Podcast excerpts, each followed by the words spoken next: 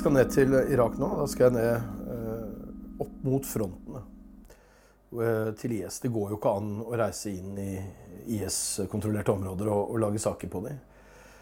Fordi vi har sett hva de gjør med journalister. Eh, og det er jo selvfølgelig umulig å sette seg selv i en situasjon hvor man risikerer å bli tatt av dem. Dette er en gruppe som sannsynligvis ikke slipper deg levende ut igjen.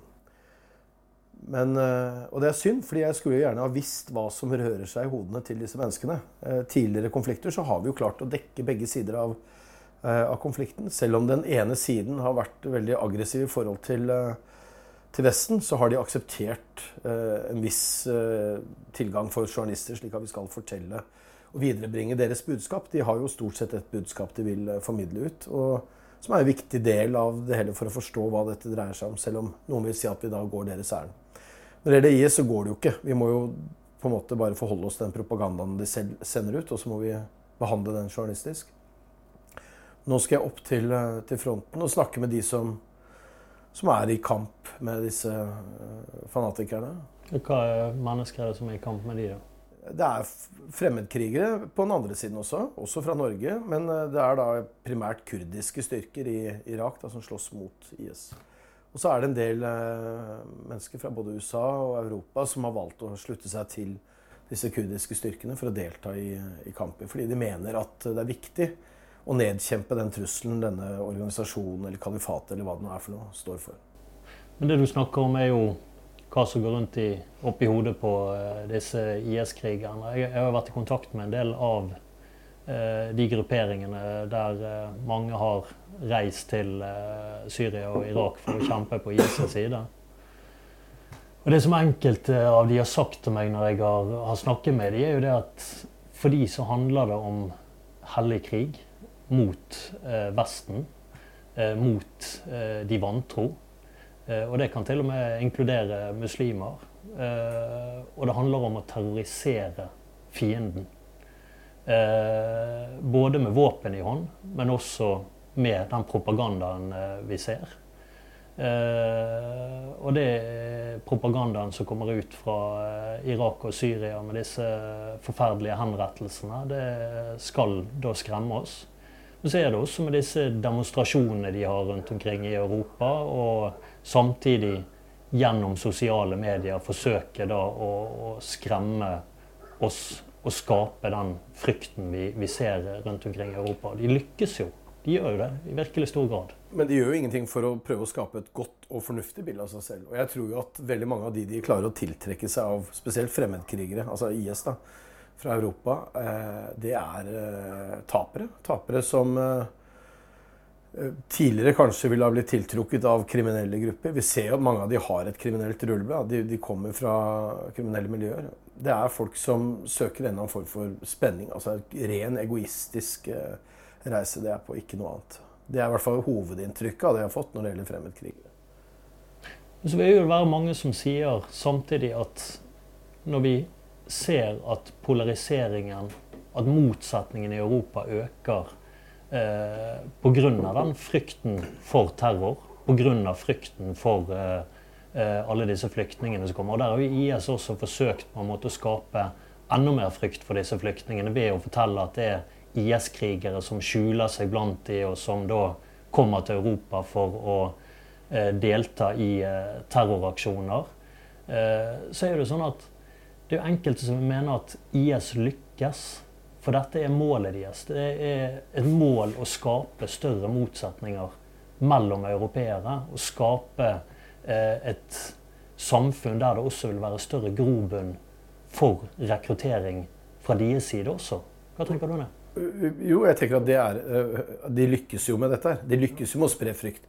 Og det er klart, etter, etter Paris så er det ikke noe vanskelig for de å spre frykt. Marerittet er jo selvfølgelig at en eller annen form for terroraksjon av om ikke av det kaliber, men i hvert fall en lignende terroraksjon skulle skje, skje her hjemme i Norge.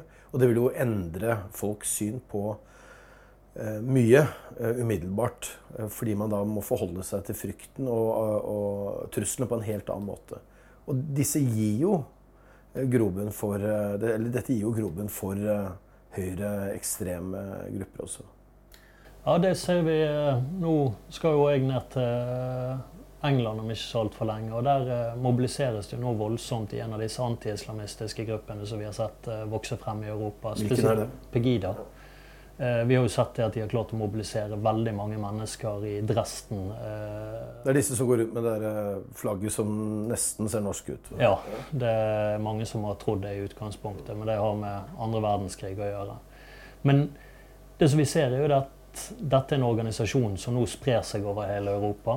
Eh, og eh, de lykkes med å eh, mobilisere mennesker til demonstrasjoner rundt omkring i Europa. Vi har sett det at de ikke lykkes så godt i Norge. I Danmark så hadde de en demonstrasjon nå nylig som mobiliserte noen hundre personer. Men allikevel så er det på en måte en organisasjon som er i vekst. Eh, men problemet til disse organisasjonene er jo hvem som slutter seg til dem. For vi ser jo det at nå er det mange normale mennesker, hvis vi skal kalle det for det, som på en måte kan trekkes mot den type organisasjoner. Men samtidig så er jo det også de virkelig ekstreme høyregruppene som infiltrerer denne type organisasjoner. Så det skal bli spennende å se hvordan disse her gruppene her kommer til å se ut om noen måneder, noen år. Det som er interessant, er jo at det har eh, Jeg var i Ungarn i, eh, i høst og snakket med en bonde som da har åkeren sin akkurat der hvor alle flyktningene kom over. Fordi det var lagt ut piggtråd nesten hele veien, men det var en åpning ved jernbanelinja der. Eh, og han spurte hvorfor ikke media hadde vært her før. Hvorfor kommer dere først nå? Her har du De siste årene så har det kommet masse flyktninger her. Men det har ikke kommet én million sånn som det kom i år. ikke sant? Det har vært eh, et håndterbart antall mennesker som har kommet over. Og så kom det helt ut av kontroll eh, i, sommer. Fordi Tyrkia ikke gjør noe for å stanse i hvert fall ikke noe særlig for å stanse flyktningstrømmen over til Hellas. Tyrkia kunne ha gjort noe ikke sant, for å stanse disse båtene over. Eh, og så kommer dette samtidig med terrorangrepene, og da oppstår selvfølgelig denne voldsomme frykten. Det rare er jo at disse gruppene Det er kanskje ikke så rart, dette skjer jo i alle konflikter, men disse gruppene på, eh, på Altså islamistene og disse høyreradikale gruppene, de er jo totalt avhengig av hverandre for å, for å kunne leve. ikke sant? De høyreradikale hadde jo ikke hatt mulighet til å få massiv støtte og oppblomstring hvis det ikke hadde vært for den faren islamistene antageligvis da ut, utgjør for oss. Men det er jo det som er skummelt i tiden som kommer nå. Når vi, når vi ser disse motsetningene bare vokse så intenst som de gjør. Og det er ingen grunn til å tro at IS vil gi seg med det første. De, de, eh, selv om de på mange måter har mistet land i eh, Irak og Syria, så er det langt ifra eh, sånn at man klarer å hanskes med denne gruppen eller eh, nedkjempe de på noen som helst måte, slik det ser ut nå. Så dette er jo bare et problem som vil vedvare. Og samtidig så er det sånn at eh, det er ingenting som tyder på at eh, det vil bli mindre flyktninger som kommer til Europa i løpet av det året som kommer nå. Eh, det vil Tvert imot. ja, tvert imot, egentlig. Så vil jo det bare kanskje komme enda flere. Og eh, det vil jo da haste for eh, regjeringer rundt omkring i Europa å finne en måte der de klarer å håndtere dette på et mye bedre vis enn det de gjør i dag. Og det går ganske fort i svingene for disse myndighetene som skal håndtere dette som ikke var forutsett. Vi ser jo Danmark med, med denne smykkeloven, eh, som ser ganske merkelig ut fra utsiden. Eh, og ganske stygt kan det også se ut til å være. Jeg, jeg har forståelse for at man ønsker at flyktningene skal betale for seg selv. Men man ser ut som man tar noen snarveier for å finne løsninger her som, som kanskje vil føre til eh, ytterligere polarisering mellom grupper. Ja, og smykkeloven er jo noe som eh, virkelig jubles for blant eh, de eh, på høyresiden, blant de anti-islamistiske grupperingene og innvandringskritiske grupperingene. Sant? Og samtidig så er jo det noe som virkelig skaper avsky rundt omkring. Ikke bare i Europa, men hele verden.